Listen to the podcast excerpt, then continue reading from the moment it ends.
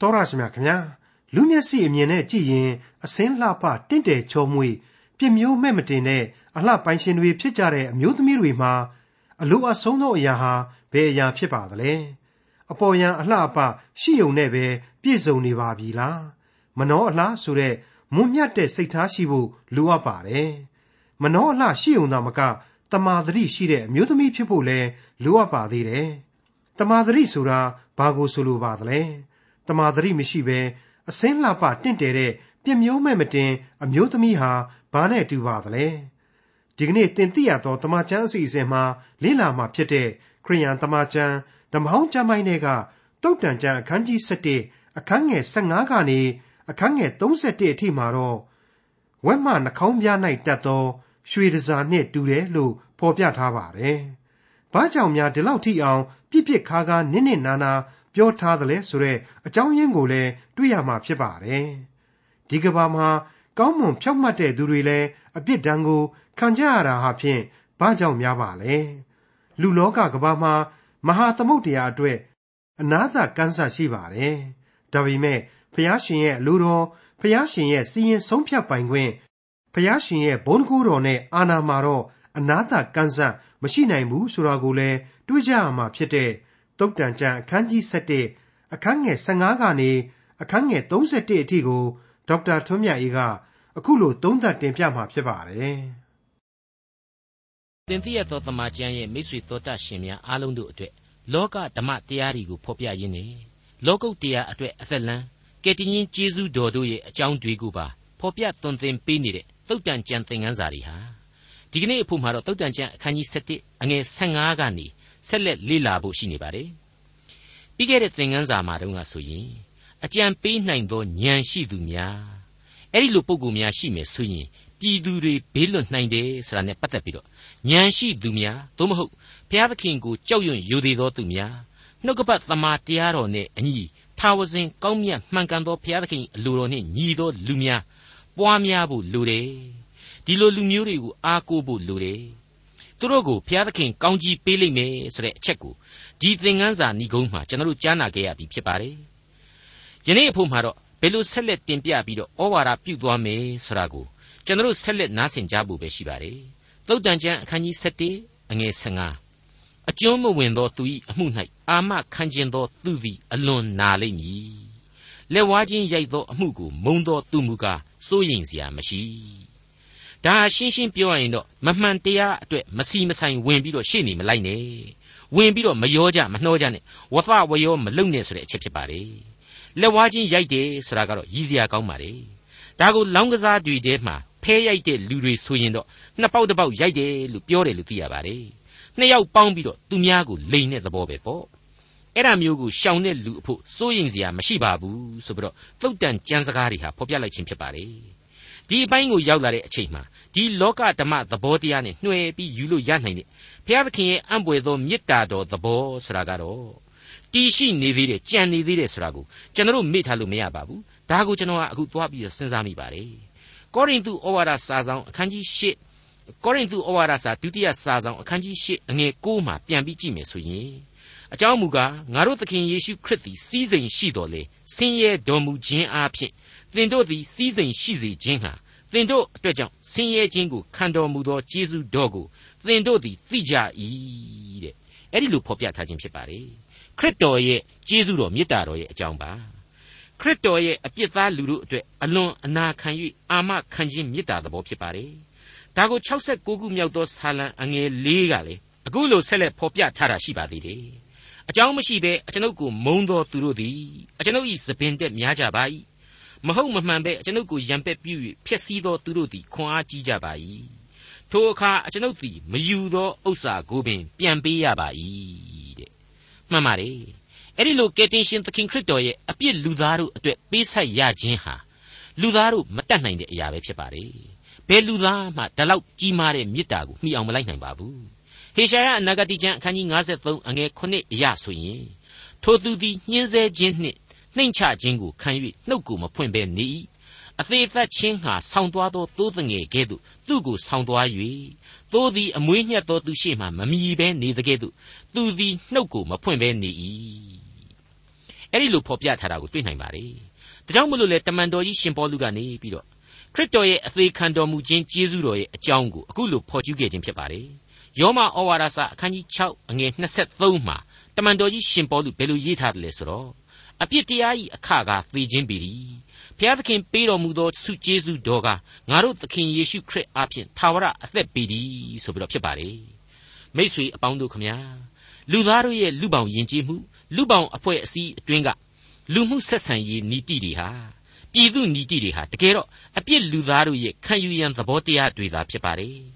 အဲ့ဒီအပြစ်လူပောင်လောကကိုလူစင်စစ်အဖြစ်လူစားတိကိုခံယူခဲ့တဲ့သခင်ဟာဆင်းသက်ပြီးတော့လူသားတို့အတွက်ကယ်တင်ခြင်းကိုပေးအပ်ခဲ့တဲ့နေရာမှာကတော့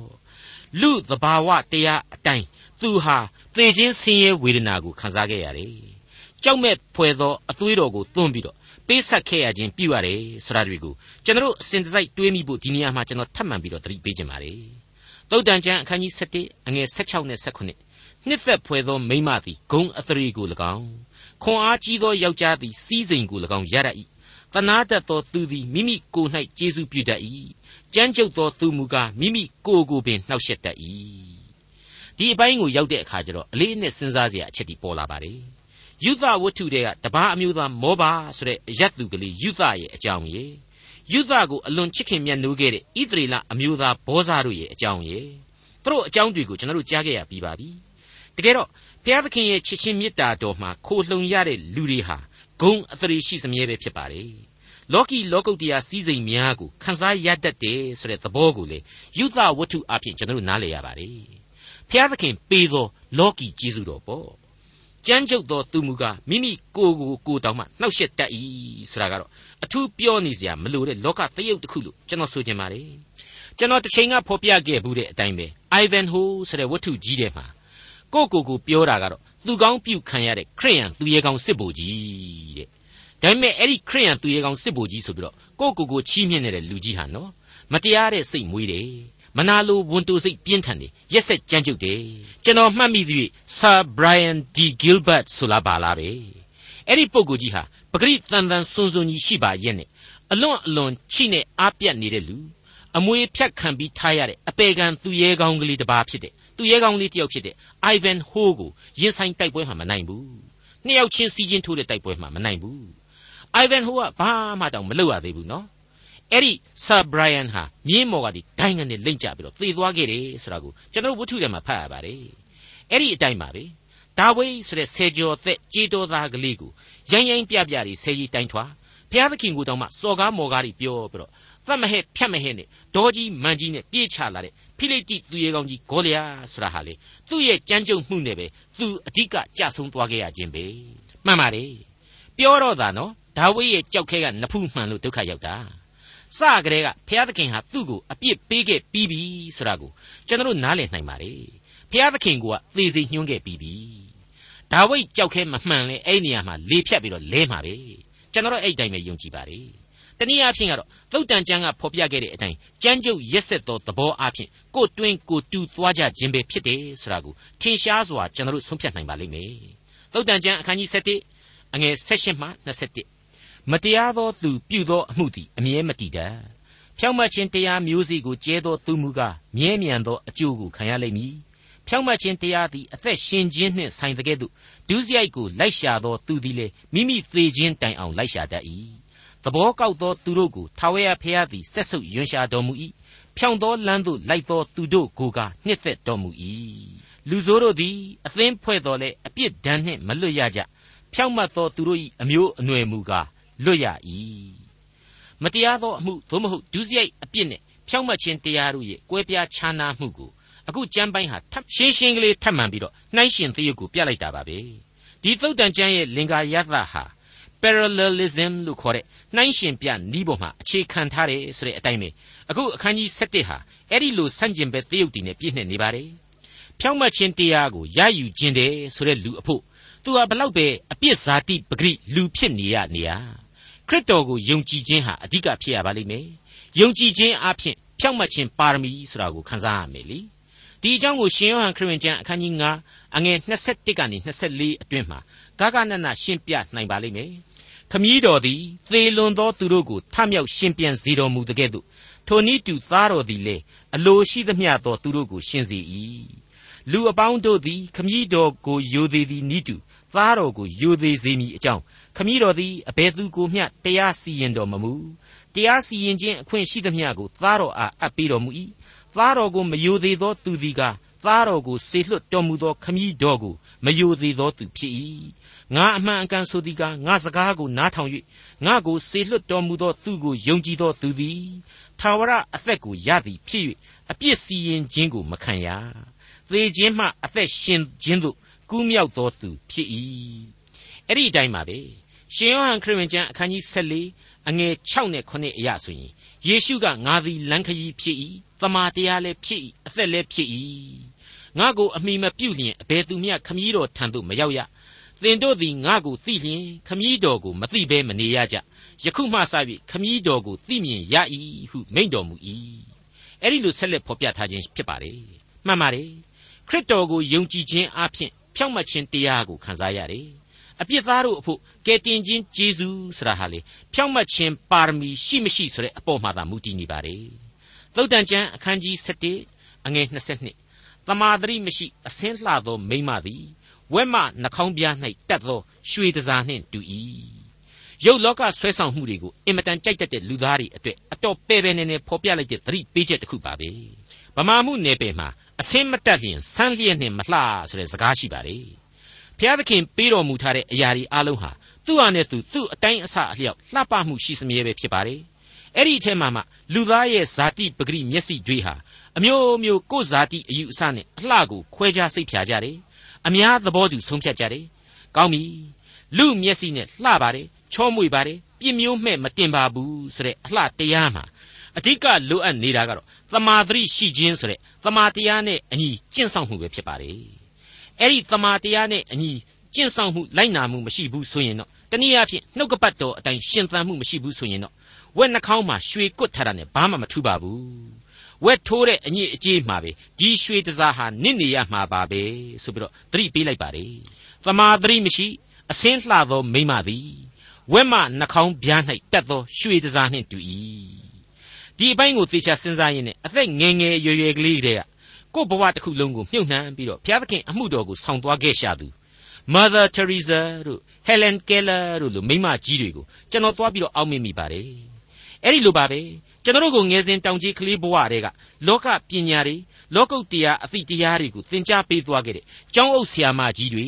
Sunday School ကဆရာမကြီးတွေများစွာအကြောင်းကိုလည်းတွားပြီးတော့ကျွန်တော်ဆင်ခြင်အောင်မိမိပါတယ်ဒီမိမကြီးတွေဟာလောကမျက်စိအမြင်နဲ့အမှတ်ပေးဒိုင်လူကြီးတွေခေါ်ပြီးအမှတ်ပေးကြည့်ရင်ဘလောက်များလှကြလို့တော့ဒါပေမဲ့ကျွန်တော်ယင်ထဲမှာတော့သူတို့ရဲ့ဘဝဟာအလွန်လှပတယ်တင့်တယ်ပြည်ပြစ်တယ်ဂုံရှိတယ်ဒါကြောင့်မို့လို့လူမျက်စိမှာလေအလိုအလျောက်ဂုံမြောက်လာတယ် ကြက်တရေနဲ့အလိုအလျောက်တင့်တယ်မှုရှိလာတယ်လို့ပဲပြက်ပြက်သားသားပဲကျွန်တော်ခန်းစားမိပါတယ်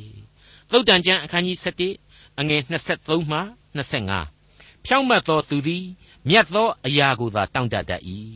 မတရားသောသူမျှော်လင့်သောအရာမူကားဒေါသအမျက်နှင့်ဆိုင်သည်စွန့်ကြဲတော်လဲဥစ္စာတိုးပွားတတ်သောသူရှိ၏အထောက်မတန်စုသိမ့်၍ဆင်းရဲခြင်းသို့ရောက်တတ်သောသူလည်းရှိ၏စွန့်ကြဲတတ်သောသူသည်ကြွယ်ဝလိမ့်မည်သူတစ်ပါးကိုရေလောင်းသောသူသည် ကိုယ်တိုင်ရေလောင်းခြင်းအကျိုးကိုခံရလိမ့်မည်ကဲအထက်ကဖော်ပြခဲ့တဲ့သင်ခန်းစာတွေနဲ့တစ်ဆက်တစ်ဆက်တည်းဖြစ်သွားပါပြီလောကရုပ်ရည်ကလေးလှတာချောတာဟာမကောင်းဘူးလားဆိုရင်တော့သိကောင်းပါလေလူကြိုက်များမယ်လေသူများအားကြမယ်လေအပေါ်ယံလွှာပြီးတော့ကြိုက်ကြမယ်လေဒါပေမဲ့အရေးကြီးတာကတော့မြတ်သောအရာဆိုတာဟာဘာလဲဆိုတာကိုသိဖို့နဲ့တောင့်တဖို့ပဲတဲ့အဲ့ဒါကတော့ဉာဏ်ပညာဖြစ်ပါတယ်ဉာဏ်ပညာဆိုတာဟာခရစ်တော်ကိုယုံကြည်ခြင်းတရားဖြစ်ပါတယ် ဖျားသခင်အလိုတော်ကိုသိကျွမ်းနားလည်ခြင်းလည်းဖြစ်ပါတယ်ကယ်တင်ခြင်းကျေးဇူးတော်ကိုခံယူခြင်းလည်းဖြစ်ပါတယ်ဆက်လိုက်မယ်ဆိုရင်တော့မကုံဆုံးနိုင်တဲ့နောက်ဆက်တွဲကောင်းကြီးမင်္ဂလာတွေအမျိုးမျိုးပါဝင်နေပါသေးတယ်အဲ့ဒါတွေကိုမှတစ်ခါဆက်ပြီးတော့သတိပေးလိုက်တာကတော့စွန့်ကြဲရင်းနဲ့ပဲချမ်းသာနိုင်တယ်ကုတ်ကတ်စုရင်းနဲ့ပဲမွဲသွားနိုင်တယ်ဒါဟာဘုရားသခင်အလိုတော်ကိုလူသားဟာလိုက်လို့မမိနိုင်ဘူးကြံစီတွေးတောလို့မရနိုင်ဘူးဆိုတာကိုပြောလိုက်တာနဲ့တူနေပြီမဟုတ်ဘူးလား လူသားတို့ဘဝကိုကိုကိုမပိုင်သဘူးတဲ့ဒီသဘောပါပဲဟုတ်ပါတယ်ပမာရေပွက်သိပါလျက်နှင်းဆိုတဲ့ဝတ္ထုတို့တပုတ်ကိုကျွန်တော်ရေးခဲ့ပူပါတယ်ကြီးကြီးတဲ့ချမ်းသာတယ်ကုတ်ဖဲ့ပြီးစုတယ်အနာဂတ်ကိုလည်းစမတ်ကြကြထိုင်ပြီးတော့အရသာခံဖို့မျှော်လင့်ထားတယ်အဲ့ဒီအနာဂတ်ဟာ3လနှစ်အတွင်းမှာပဲအကုန်ပြောင်းပြန်ဖြစ်ကုန်တယ်ဖျားသခင်အတွက်စွန့်လူပူဇော်ဖို့ပေးသင့်တာလေးကိုတောင်မပေးလိုက်ရတာလေးအဖတ်တင်ပြီးတော့ယင်နှင့်ပွဲကောင်းလောက်အောင်3လနှစ်အတွင်းမှာဘဝပြည့်သွားတယ် အဲ့ဒါကြောင့်မလို့ပမာရေပွက်သိပါလျက်နှင်းဆိုပြီးတော့ဒီဝတ္ထုတိုလေးကိုကျွန်တော်နာမည်ပေးခဲ့ပါတယ်အဲ့ဒီအတိုင်းပါပဲရုပ်ပိုင်းဆိုင်ရာလှတာပတာတွေချမ်းသာတာတွေဆင်းရဲတာတွေကြားထဲမှာဘုရားသခင်ကိုချစ်ကြောက်ယိုသေးခြင်းနဲ့ရယူတိုက်တဲ့မြတ်သောဝိညာဏခွန်အားနဲ့ပြည့်ဝနေဖို့သားလျှင်အဓိကဖြစ်တယ်ဆိုတာကိုကျွန်တော်တန်ဖိုးထားကြရမှာဖြစ်ပါတယ်ဘုရားသခင်ရဲ့သုတ်တန်ကြမ်းရဲ့ဆုံးမဩဝါဒတွေကိုကျွန်တော်လိုက်နာနိုင်ကြပါစေသူတစ်ပါးကိုရေလောင်းတော်သူဆိုတာဟာ တကြံအချိန်ကာလထွက်ပြီးရေပက်တာကိုပြောတာမဟုတ်ပါဘူးမဆကူညီခြင်းကိုပြောတာပါပဲပြုစုပြိုးထောင်ပေးခြင်းပေါ့မေတ္တာတရားကိုဝေမျှခြင်းကိုဆိုလိုခြင်းဖြစ်ပါတယ်အထူးသဖြင့်နှုတ်ကပတ်တော်အတိုင်းဆိုရင်တော့ကဲတင်ခြင်းကျေးဇူးကိုသူတစ်ပါးတို့အားပြုခြင်းကိုဖော်ပြခြင်းဖြစ်ပါတယ်အငယ်26စပားကိုသိုထားသောသူသည်လူများကျိန်ဆဲခြင်းကိုခံရလိမ့်မည်ရောင်းချသောသူ၏ခေါင်း၌မူကားကောင်းကြီးမင်္ဂလာရှိလိမ့်မည်ကဘာတဝက်လောက်ငန့်နေတဲ့အချိန်မှာ အီဂျစ်နိုင်ငံမှာနန်းရင်းဝယာရုကြီးယူပြီးတော့တိုင်းပြည်အတွက်စပားတွေကိုကြိုတင်လှောင်ထားတဲ့ယောသတ်သူ့စပားတွေကိုအဲ့ဒီလိုလှောင်ထားတာဟာအဲ့ဒီခေတ်ကငတ်ပြတ်နေတဲ့ကဘာကြီးအတွက်ထုတ်ပြီးတော့ရောင်းချပေးဖို့သူများငတ်ပြီးတော့ကိုကဆူဖြိုးနေတာမျိုးအရသာခံမနေခဲ့ဘူးသူများကိုမေတ္တာဝေမျှခဲ့တယ်သူများငတ်မသေးအောင်ပြုစုစောင့်ရှောက်ခဲ့တယ်ဆိုတာကိုတွေ့ရပါတယ်ကိုကတော့ကြီးကြီးတက်ရှိနေပါရဲ့နဲ့ ငတ်နေတဲ့ဒါဝိဒ်တို့ကိုတောင်မှဆဲဆိုပြီးတော့လှုပ်ခဲ့သူလူမိုက်နာဗလအကြောင်းတွေကိုရောဒီနေရာမှာသတိရစရာကောင်းတယ်လို့ကျွန်တော်ထင်ပါတယ်မိษွေအပေါင်းတို့ခမညာအလကားပေးဖို့လှူဖို့ဆိုတာမျိုးကိုတောင်မှသုတ်တန်ကြံဟာမပြောပါဘူးသမာအာဇီဝသူတစ်ပါးအကျိုးကိုဆောင်ပြီးတော့ကို့အကျိုးလေအောင်ဖို့အတွေ့တဲ့လူစရိုက်နဲ့ကိုက်ညီအောင်လို့မေတ္တာများစွာနဲ့ဩဝါဒပြုလိုက်ခြင်းလို့ကျွန်တော်ခံယူပါတယ်တခုတော့ရှိပါတယ်နော်ကို့မှာကကိုပိုင်ဥစ္စာဒနာတွေနဲ့ပြည့်စုံနေပြီကြည်ကြည်တက်ဖြစ်နေပြီဆိုရင် ဘာဆိုဘာမှလိုလေသေးမရှိတော့ဘူးဆိုတာကိုသိပြီဆိုရင်ကိုကပုံဩပြီးတော့ဒါနပြုလိုက်မယ်ဆိုရင်ကိုကို့မှာဘာများနစ်နာเสียရှိပါသလဲရှိနိုင်ပါဘူးဖျားသခင်ဟာစိတ်နှလုံးကိုထိုးဖောက်မြင်နိုင်တဲ့ဖျားသခင်ဖြစ်တယ်ကိုယ့်ကိုအစာပေါင်းများစွာလဲကောင်းကြီးတွေပေးဥမှာပဲဆိုတာကိုနှုတ်ကပတ်တော်ဟာဖော်ပြပြီးသားဖြစ်ပါတယ်တနည်းအားဖြင့်ဆိုရင်တော့အခုသုတ်တန်ကျမ်းစကားများဟာအခြေအနေအချိန်အခါလျောက်ကိုဟာအကောင်းဆုံးကိုဆောင်ရွက်ပေးပါ စေတနာမေတ္တာအရင်ကံစိတ်ဓာတ်မျိုးမွေးမြူပေးပါဆိုတာကိုခံယူနိုင်စေဖို့ရန်ဘုရားသခင်သွန်သင်ပေးလိုက်သောကြံများပဲဖြစ်ပါတယ်နောက်တစ်ခုကတော့ဘုရားသခင်ရဲ့ကယ်တင်ခြင်းတရားကိုဖြန့်ဝေဖို့ဆိုတဲ့ဝိညာဏသဘောတရားကိုကျွန်တော်ဒီနေရာမှာခံယူမိပါတယ်ကျွန်တော်မကြာခဏပြောဘူးတဲ့အတိုင်းပဲပေါ့ကယ်တင်ခြင်းကျေးဇူးတော်ကိုကိုကသိရှိခံစားရတဲ့အချိန်မှာကိုဟာအိမ်တကားတော့ခတ်မထားရဘူးဝက်သားဟင်းလေးတစ်ခွက်အလကားစားရတာကိုဘယ်သူမှမထရာပဲနဲ့တိတ်တိတ်ကလေးတကားပိတ်ပြီးစားတာမျိုးမလုပ်ရဘူး အစွန်းတတ္တိရှိသမျှနဲ့အချိန်အနေအချိန်ခါပေါ်မှာမူတည်ပြီးတော့ဝေမျှပေးကမ်းသွားရမယ်လိုအပ်နေတဲ့မှောင်မိုက်ကဘာအတွင်းမှာဘုရားသခင်ရဲ့ကယ်တင်ခြင်းအလင်းတရားကိုထွန်းလင်းထင်ရှားစေရလိမ့်မယ်လို့ကျွန်တော်အနေနဲ့မြင်တဲ့အကြောင်းတင်ပြပါရစေသုတ်တန်ကျမ်းအခန်းကြီး7အငယ်29ကောင်းသောအရာကိုကြိုးစား၍ရှာသောသူသည်ကျေးဇူးကိုခံရလိမ့်မည်သူအကျိုးကိုဖျက်ဆီးခြင်းဟာရှာကြံသောသူမူကားကိုယ်အကျိုးပြက်ခြင်းရှိလိမ့်မည်ဒါဟာလေဘဝသမိုင်းဓမ္မသမိုင်း ကပ္ပသမိုင်းဘယ်သမိုင်းကိုပဲပြန်ကြည့်ကြည့်ရှင်းနေတဲ့အချက်ပါကောင်းရာကိုရှာကျေးဇူးကိုခံရဆိုတဲ့အချက်မှာလောကီကျေးဇူးတရားလောက်နေတယ်မကျေနပ်ကြပါနဲ့အောင်ဘုရားသခင်ပေးအပ်တော်မူတဲ့လူတို့ကြံစီ၍မမိနိုင်သောကောင်းကင်ဘုံစုကျေးဇူးသို့မဟုတ်သေခြင်းဆင်းရဲနှင့်ကင်းလွတ်ရာကယ်တင်ခြင်းကျေးဇူးတော်အထိမိအောင်ခံစားနိုင်ဖို့ရန်ကြိုးစားဖို့လိုတယ်လို့ကျွန်တော်တင်ပြပါရစေသုတ်တန်ကျမ်းအခန်းကြီး7အငယ်28မှ30 မိမိစည်းစိမ်ကိုကိုးစားသောသူသည်ရှုံးလိမ့်မည်ဖြောင့်မတ်သောသူမူကားတစ်ခဲ့ကဲ့သို့စိမ့်လန်းလိမ့်မည်မိမိအိမ်ကိုနှောက်ယှက်သောသူသည်လေကိုအမွေခံရလိမ့်မည်မိုက်သောသူသည်လည်းလိမ္မာသောသူထံ၌ကျွန်ခံရလိမ့်မည်ဖြောင့်မတ်သောသူသီးသောအသီးသည်အသက်ပင်အသီးဖြစ်၏သူတစ်ပါးတို့၏စိတ်ဝိညာဉ်ကိုရသောသူသည်လည်းပညာရှိဖြစ်၏ကျွန်တော်တို့ကိုတခုမြောက်သောဆာလံသို့မဟုတ်ပထမမြောက်သောဆာလံမှာကလေးကမင်္ဂလာရှိသောလူနဲ့မတရားသောလူတို့ရဲ့အကြောင်းကို ဘုရားသခင်ဟာစီးသားပြီးဖော်ပြခဲ့ပြီးပြီဆိုတာကိုမိတ်ဆွေတို့မှတ်မိကြမှာပါဒါကိုကျွန်တော်ကလည်းအကြိမ်ကြိမ်သတိပေးခဲ့ပြီးပါပြီကျွန်တော်ရှင်းပြခဲ့တယ်လို့မိษွေတို့လည်းအထက်ထက်ကြားခဲ့ရပြီးသားမို့လို့နားတောင်မှထောင်ကျင်ကြပါတော့မလားတော့ကျွန်တော်မဆိုနိုင်ဘူးတချို့ကြတော့လေလာပြန်မလားကွမင်းဆာလန်တစ်ဆိုပြီးတော့ဆိုကြမယ်ထင်ပါတယ်အဲ့ဒီအကြိမ်ကြိမ်ရှင်းပြခဲ့တာကိုအခုအပိုင်းမှာဘုရားသခင်နှုတ်ကပတ်တော်ဟာတမင်အားဖြည့်ပေးလိုက်ပါတယ်ဝိညာဉ်သဘောကိုပို့ပြီးတော့နှက်ဆိုင်သွားစေတယ်လို့ကျွန်တော်ဆိုချင်ပါတယ် မတရားသောသူတို့၏တိုက်တွန်းခြင်းသို့မလိုက်လူဆိုးတို့၏လမ်းတွင်မရမနေမထီမဲ့မြင်ပြုသောသူတို့၏အစည်းအဝေး၌မထိုင်ထာဝရဘုရား၏တရားတော်ကိုမွေ့လျော်၍တရားတော်၌နိညာမပြတ်ဆင်ခြင်အောက်မေ့သောသူသည်မင်္ဂလာရှိ၏အကြောင်းမူကားထိုသူသည်မျက်နားမှစိုက်လျက်မိမိအချိန်တန်မှအသီးကိုသီး၍အရွက်မညှိုးနွမ်းတတ်သောအပင်နှင့်တူ၏တဲ့အသက်ဆန်းရည်ကိုတောက်သုံးရလို့အရွက်မညှိုးနွမ်းဘူးကာလအစဉ်သီးချိန်တန်တိုင်းသီးတယ် အဲ့ဒီအသီးတွေဟာလေအသက်ရဲ့အသီးအပွင့်တွေပဲဖြစ်တယ်ဆိုတာကိုတွေ့ရပြီဒီတော့ဒီအသီးဟာအမှဲ့တဝင်းဝင်းအကင်းတပြိုင်ပြိုင်မဟုတ်နိုင်ပါဘူးပုတ်ပြီးတော့ကျိုးပဲ့ကြွေကြတဲ့အသီးလည်းမဟုတ်ဘူးအကျိုးပြုသောအသက်တာရဲ့အသီးများပဲဖြစ်ပါတယ်အထက်ကသင်ခန်းစာတွေမှာဖော်ပြခဲ့တဲ့ပညာရှိတို့ရဲ့အသက်တာလိုပဲမေတ္တာဝေမျှနှိုင်စွန်းတဲ့အသီးမျိုးဖြစ်ရတယ်တဲ့အခုသုတ်တန်ကျမ်းကိုဆက်ဆက်ဆက်ဆက်ရှိရအောင်လို့ပြန်ပြီးတော့နားဆင်ကြည့်စေချင်ပါတယ်ဖြောင့်မတ်သောသူသည် သစ်ခက်ကဲ့သို့စိမ့်လန်းလိမ့်မည်ဖြောင့်မတ်သောသူသည်အသီးသီးသောအခါအသက်ပင်ဤအသီးဖြစ်မည်သူတစ်ပါးဤစိတ်ဝိညာဉ်ကိုရသောသူသည်လည်းပညာရှိဖြစ်၏တဲ့ဒါဟာဖြောင့်မတ်ခြင်းပါရမီကိုယုံကြည်ခြင်းအပြင်ရတဲ့လူခရစ်တော်ကိုချစ်၍ဘုရားသခင်ကိုသိကျွမ်းနားလည်သူပညာရှိတစ်ယောက်ရဲ့အသက်တာအသီးအားဖြင့်အခြားသောသူများရဲ့အသက်ဝိညာဉ်တွေကိုပါကယ်တင်နိုင်ခြင်းအကြောင်းဖြစ်ဖို့လိုတယ်ဆိုတာကိုဖော်ပြလိုက်တာပါပဲ အဲ့ဒီနှိုင်းရှင်သရုပ်ထဲကမင်္ဂလာရှိသောခရစ်တော်ကိုယုံကြည်သူရဲ့အကြောင်းကိုလေ့လာရင်းနဲ့မတရားသောသူတို့အတွက်ကတော့အကုန်ဆန့်ကျင်ဘက်တွေကြီးပဲဆိုတာကိုအခုလိုကျွန်တော်တို့တွေ့နိုင်ပါလိမ့်မယ်ဆာလံမှာတော့ကအခုလိုဆိုထားတယ်မဟုတ်ဘူးလားမတရားသောသူတို့မူကားထိုကဲ့သို့မဟုတ်လေတိုက်၍လွင့်သောဖွဲနှင့်တူကြ၏ထို့ကြောင့်တရားဆုံးဖြတ်တော်မူရာကာလ၌မတရားသောသူတို့သည်မတီမနေရကြဖြောင့်မတ်သောသူတို့၏အပေါင်းအသင်းတည်းသို့လူဆိုးတို့သည်မဝင်ရကြ အကြောင်းမူကားဖြောင့်မတ်သောသူတို့၏လမ်းကိုထာဝရဘုရားသိကျွမ်းတော်မူ၏မတရားသောသူတို့၏လမ်းသည်ဆုံးရှုံးခြင်းသို့ရောက်ရလိမ့်သည်အဲ့ဒီလိုဖော်ပြထားခြင်းဖြစ်ပါလေအခုကျတော့ကိုယ်စည်းစိမ်နဲ့ကိုယ်ရှုံးရလိမ့်မယ်တဲ့မတရားသောသူတွေရဲ့အကြောင်းကိုပြောနေတာပါနော်အကုန်လေနဲ့အတူလွင့်မျောသွားလိမ့်မယ်တဲ့ပညာရှိသို့မဟုတ်လိမ္မာသောသူထံမှကျွန်ခံရလိမ့်မယ်တဲ့ကဲဒီတော့ပထမမြောက်သောဆာလံဆာလံ1ရဲ့ဖော်ပြချက်အ내တွေဟာ ပို့ပြီးတော့ပြည့်စုံသွားရတယ်လို့ဆိုရတော့မှာပါဘာပဲပြောပြောအဲ့ဒီလိုများစာရန်အားကိုမိလို့ဒုက္ခလှလှကြီးရောက်ပြီဆိုရင်လေစိတ်တက်တော့အယံသွားပြီးတော့မကြနဲ့သွားပြီလို့အဆုံးတိုင်မထင်နဲ့အောင်အသက်တာမှာဘုရားသခင်ကိုနောင်တနဲ့ကိုးကွယ်ခွင့်ခရစ်တော်ကိုလက်ခံခွင့်ဆိုတာဟာမသိမချင်းဘုရားသခင်ပေးထားတဲ့အခွင့်အရေးကြီးဖြစ်ပါတယ်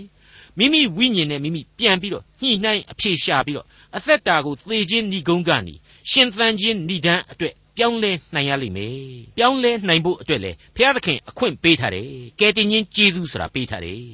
တန်ရှင်းသောဝိညာဉ်တော်ကိုတောင်းခံနိုင်တယ်ကောင်းကင်အမွေကိုယုံကြည်ခြင်းအားဖြင့်လူတစ်ယောက်ဟာဘလောက်ပဲအပြစ်ရှိရှိမသေးမချင်းရယူနိုင်ပါတယ်။ဒါဟာကဘာဥကလေးကဗျာဒိကျမ်းအထိဘုရားသခင်တသမတ်သေးချထားပေးတဲ့လူသားတိုင်းရယူနိုင်သောကယ်တင်ရှင်ကျေးဇူးတော်ပဲဖြစ်ပါတယ်။၎င်းတဲ့ညင့်မနဲ့တော့ဘူးဆိုတဲ့လူမိုက်တို့ရဲ့စိတ်ထားမမွေးပါနဲ့။မထီမဲ့မြင်မပြုတ်ကြပါနဲ့။ ကယ်တင်ရှင်သခင်ခရစ်တော်စီကိုအားကိုး၍ခြေလှမ်းပြုကြပါ။နောင်တနဲ့ကြိုးပဲ့ကြေမွသောစိတ်ထားများနဲ့တိုးဝင်ချင်းကပ်ကြပါ။အငယ်29မှာကလေးကဆိုခဲ့တဲ့အချက်ဟာသစ္စာတရားပါဖောက်ပြန်ခြင်းမရှိတဲ့ဂရိသစ္စာတော်ပါကောင်းသောအရာကိုကြိုးစား၍ရှာသောသူသည်ကျေးဇူးကိုခံရလိမ့်မည်အဲ့ဒီလိုပါပဲဝန်လေး၍ပင်ပန်းသောသူအပေါင်းတို့ငါထံသို့လာကြလော့ငါသည်ချမ်းသာပေးမည်ဆိုတဲ့ ခရစ်တော်ရဲ့ဂရိတော်ဟာအစဉ်တစိုက်ကျွန်တော်တို့အလယ်မှာလှုပ်ရှားနေတဲ့ဝိညာဉ်တော်ရဲ့ဖိတ်ခေါ်သံပဲဖြစ်ပါတယ်အဲ့ဒီလိုအပြစ်လူသားတော်အပြစ်လူသားစာရမဏတ်ရဲ့အရေးအောက်ကိုဇာတိပဂရိစိတ်ထားတွေနဲ့တိုးဝင်ချင်းကပ်မိတဲ့အပြစ်ကြီးကိုတော့မရှောင်နိုင်တာမှန်တယ်။ဒါပေမဲ့ဘုရားသခင်ကိုမထီမဲ့မြင်မပြုတ်ဘဲနဲ့နှလုံးသားအတွင်းကမှန်ကန်တဲ့နောင်တရမယ်ဆိုရင်ကျေးဇူးတော်ဆိုတာဟာအစဉ်တည်နေလေရဲ့စိတ်သစ်လူသစ်ဘဝသစ်တို့ ပြောင်းလဲကူးသန်းနိုင်လေရဲ့ဆိုတဲ့အချက်ကိုပြောပြနေစေအချိန်မှာပဲနောက်ထပ်အရေးတကြီးစဉ်းစားစရာတစ်ချက်ပေါ်လာပါတယ်ဉာဏ်ပညာကိုရသောသူဖြောင့်မတ်ခြင်းပါရမီကိုခံယူရရှိထားသူဖျားသခင်ကိုယုံကြည်ပါတယ်ဆိုတဲ့လူသားတွေဟာရောငါတို့ကတော့စူးအရှင်းမရှိတဲ့နှင်းစီမှုရကြီးပေါ်မှာပဲဇိမ်နေအမြဲတမ်းဟန်ကြနေပြီဖျားသခင်ကိုယုံကြည်ပြီးဖြစ်လို့လူဘဝရဲ့မတူညီသောအထက်လွှမ်းမှာလက်မကလေးထောင်ပြီးနေရတော့မယ် ဖျားသခင်ကိုမယုံတဲ့လူတွေကိုအထက်စီးကနေပြီးတော့ဗိုလ်ကျပြီးတော့ဆရာကြီးတွေဖြစ်နေရတော့မယ်အဲ့ဒီလိုလဲရောင်လို့တောင်သွားပြီးတော့မတွေးပါနဲ့အခုချက်ချင်းပဲသုတ်တန်ဆရာကနေပြီးတော့သူ့ရဲ့သုတ်တန်ကျမ်းအခန်းကြီး7အငယ်31မှာဏီကုန်းကျုပ်အချက်အဖြစ်ဖော်ပြပေးလိုက်ပါပြီဖဖြောင့်မတ်သောသူတော်လေမြေကြီးပေါ်မှအပြစ်ဒဏ်ကိုခံရ၏မတရားသောသူနှင့်အပြစ်ထင်ရှားသောသူမူကားအဘယ်ဆိုပွေရာရှိသနည်းဘယ်နဲ့ရှိပါစား မွေးဖွားပြီးလာကြတဲ့ကသေခြင်းကြီးဟုသောပန်းတိုင်ကိုလောကရန်လှုပ်ရှားခြင်းတွေအမျိုးမျိုးကြားတဲ့ကနေရှောက်သွားနေရတဲ့လူအပြစ်ဇာတိပဂရိလူသားသေပြစ်စီရင်ခြင်းဆိုတာကမရှောင်နိုင်တဲ့အပြစ်ဒဏ်ကြီးဖြစ်နေပါပြီဒါကိုဘယ်လိုလုပ်ပြီးတော့မသေးခြင်းပါဘူးခမညာဆိုပြီးတော့ကြွကြွအိတ်နဲ့ကိုယ့်အကူထုတ်ပြီးတော့ရေခဲသစ်တာတဲ့ဝင်ထိုင်နေလို့ရနိုင်ပါလေနေထွက်ပြီးနေဝင်လို့24နာရီသာကုန်သွားရတာအဲ့ဒါကိုတနေ့လို့ခေါ်တယ် တနေ့တာဆိုတာဟာနေထွက်ပြီးတော့နေဝင်လို့သာလျှင်တနေ့တာဖြစ်လာရတာပါဒါကြောင့်ငါမအိုရသေးငါမအိုမင်းရဘူးဆိုပြီးတော့နေထွက်တဲ့အရက်ကိုကြီးပဲမျက်နှာမူပြီးတော့ရှောက်သွားနေလို့လည်းမရနိုင်ပါဘူးဘုရားသခင်ချထားပေးတဲ့အသက်တားမှာအိုခြင်းနာခြင်းသေခြင်းတို့ကိုယင်ကိုရင်ဆိုင်ရမှာဟာအသေးချာဖြစ်တယ်လို့ဘုရားသခင်ပေးသနာတော်မူတဲ့လူအသက်တာတစ်ခုချင်းအလျောက်အပြစ်ဒဏ်ဆရာဟာလေအပြစ်ဗီဇလူသားတိုင်းမလွဲမသွေခံယူကြရမှာသာဖြစ်ပါလေ မိတ်ဆွေအပေါင်းတို့ခမညာကျွန်တော်အနေနဲ့ယောဘဝတ္ထုကိုလေ့လာရတော့ကဆိုလို့ရှိရင်များစွာသောသင်ခန်းစာတွေကိုရခဲ့ပါတယ်အဲ့ဒီထဲကအထူးသဖြင့်ဘုရားသခင်ကိုယုံကြည်ကောင်းရာကောင်းကျိုးကိုလည်းအမြဲလုံးသီလသမာဓိလည်းအမြဲပြည့်ဝနေပါတယ်ဆိုတဲ့ယောဘကြီးဟာလေဘုရားသခင်ပေးတဲ့အပြစ်ဒဏ်ဒီကိုခံရတဲ့အချိန်မှာဘုရားသခင်ဟာငါ့မှာအပြစ်မရှိဘဲနဲ့အပြစ်ပေးတယ်ငါဟာပြည့်ဝစုံနေတဲ့လူကြီးတစ်ယောက်ဖြစ်ရတဲ့အပြစ်ကိုအချောက်တိုက်ခံရတာပဲဆိုတဲ့စိတ်သက်တည်ဝင်ခဲ့မိပါတယ် ဒါဟာရယူအပ်တဲ့သင်ခန်းစာပါအဲ့ဒီအချိန်မှာယောဘကိုအားပေးမယ်ဟဲ့ဆိုပြီးတော့ရောက်လာကြတဲ့သူ့မိတ်ဆွေကြီးတွေကလေဒီအဖြစ်ဆိုးကတော့မဟုတ်တာလို့လို့မဟုတ်တာဖြစ်မှာပဲဆိုပြီးတော့သူ့ကိုတောင်မှအပြစ်ဖိုးခဲ့ကြတာဒီဝိုင်းပြီးတော့ဆူကြတာဒီကျိန်းညမောင်းကြတာဒီသူကလည်းသူမဟုတ်တာဘာမှမလုပ်ဘူးအချောင်ခံရတာပဲဆိုပြီးတော့တခုံးမခံပြန်ပြီးတော့ပြောခဲ့တာတွေကိုကျွန်တော်တို့အသေးစိတ်လေ့လာခဲ့ကြပြီးပါပြီတနည်းအားဖြင့်တော့ဒုက္ခရောက်နေတဲ့လူတစ်ယောက်ကိုအားပေးမယ်ဆိုပြီးတော့သွားရောက်ခဲ့တဲ့တငယ်ချင်း၃ယောက် ဒုက္ခရောက်သူအပါအဝင်လူ၄ယောက်တို့ရဲ့ဘုရားသခင်အကြောင်းကိုမသိတဲ့အခါကျတော့တူးနဲ့တူးဖြစ်ပွားခဲ့တဲ့ရန်တွေ့ပွဲကြီးစကရေလူပွဲကြီးလို့ဖြစ်ခဲ့တယ်ဆိုတာကိုယောဘဝတ္ထုမှာကျွန်တော်တို့ရှေ့ရှေ့လဲလဲလေးလာခဲ့ရပြီးပါပြီမိษွေတော်တတ်ရှင်အပေါင်းတို့ခမညာတကယ်တကယ်တော့လူလောကကဘာမှာမဟာသမုတ်တရားအတွက်အနာသက်ကန့်ဆက်ရှိပါတယ်ဒါပေမဲ့ဘုရားသခင်ရဲ့အလိုတော်ဘုရားသခင်ရဲ့ဆုံးဖြတ်စီရင်ပိုင်ခွင့်ဘုရားသခင်ရဲ့ဘုံတကူတော်နဲ့အာနာဆိုတာကတော့ အနာသက်ကန့်စက်မရှိနိုင်ဘူးဆိုတာကိုကျွန်တော်အဲ့ဒီယောဘဝတ္ထုမှာရှင်းရှင်းလင်းလင်းဖော်ပြခဲ့ပြီးပါပြီ။ထာလန်24မှာလည်းအတိအကျပဲဖော်ပြထားပြီးသားပဲမဟုတ်ဘူးလား။ဘုရားသခင်ဟာမြေကြီးနဲ့မြေကြီးတစားအားလုံးကိုသူပိုင်နေ။ပြီးတဲ့နောက်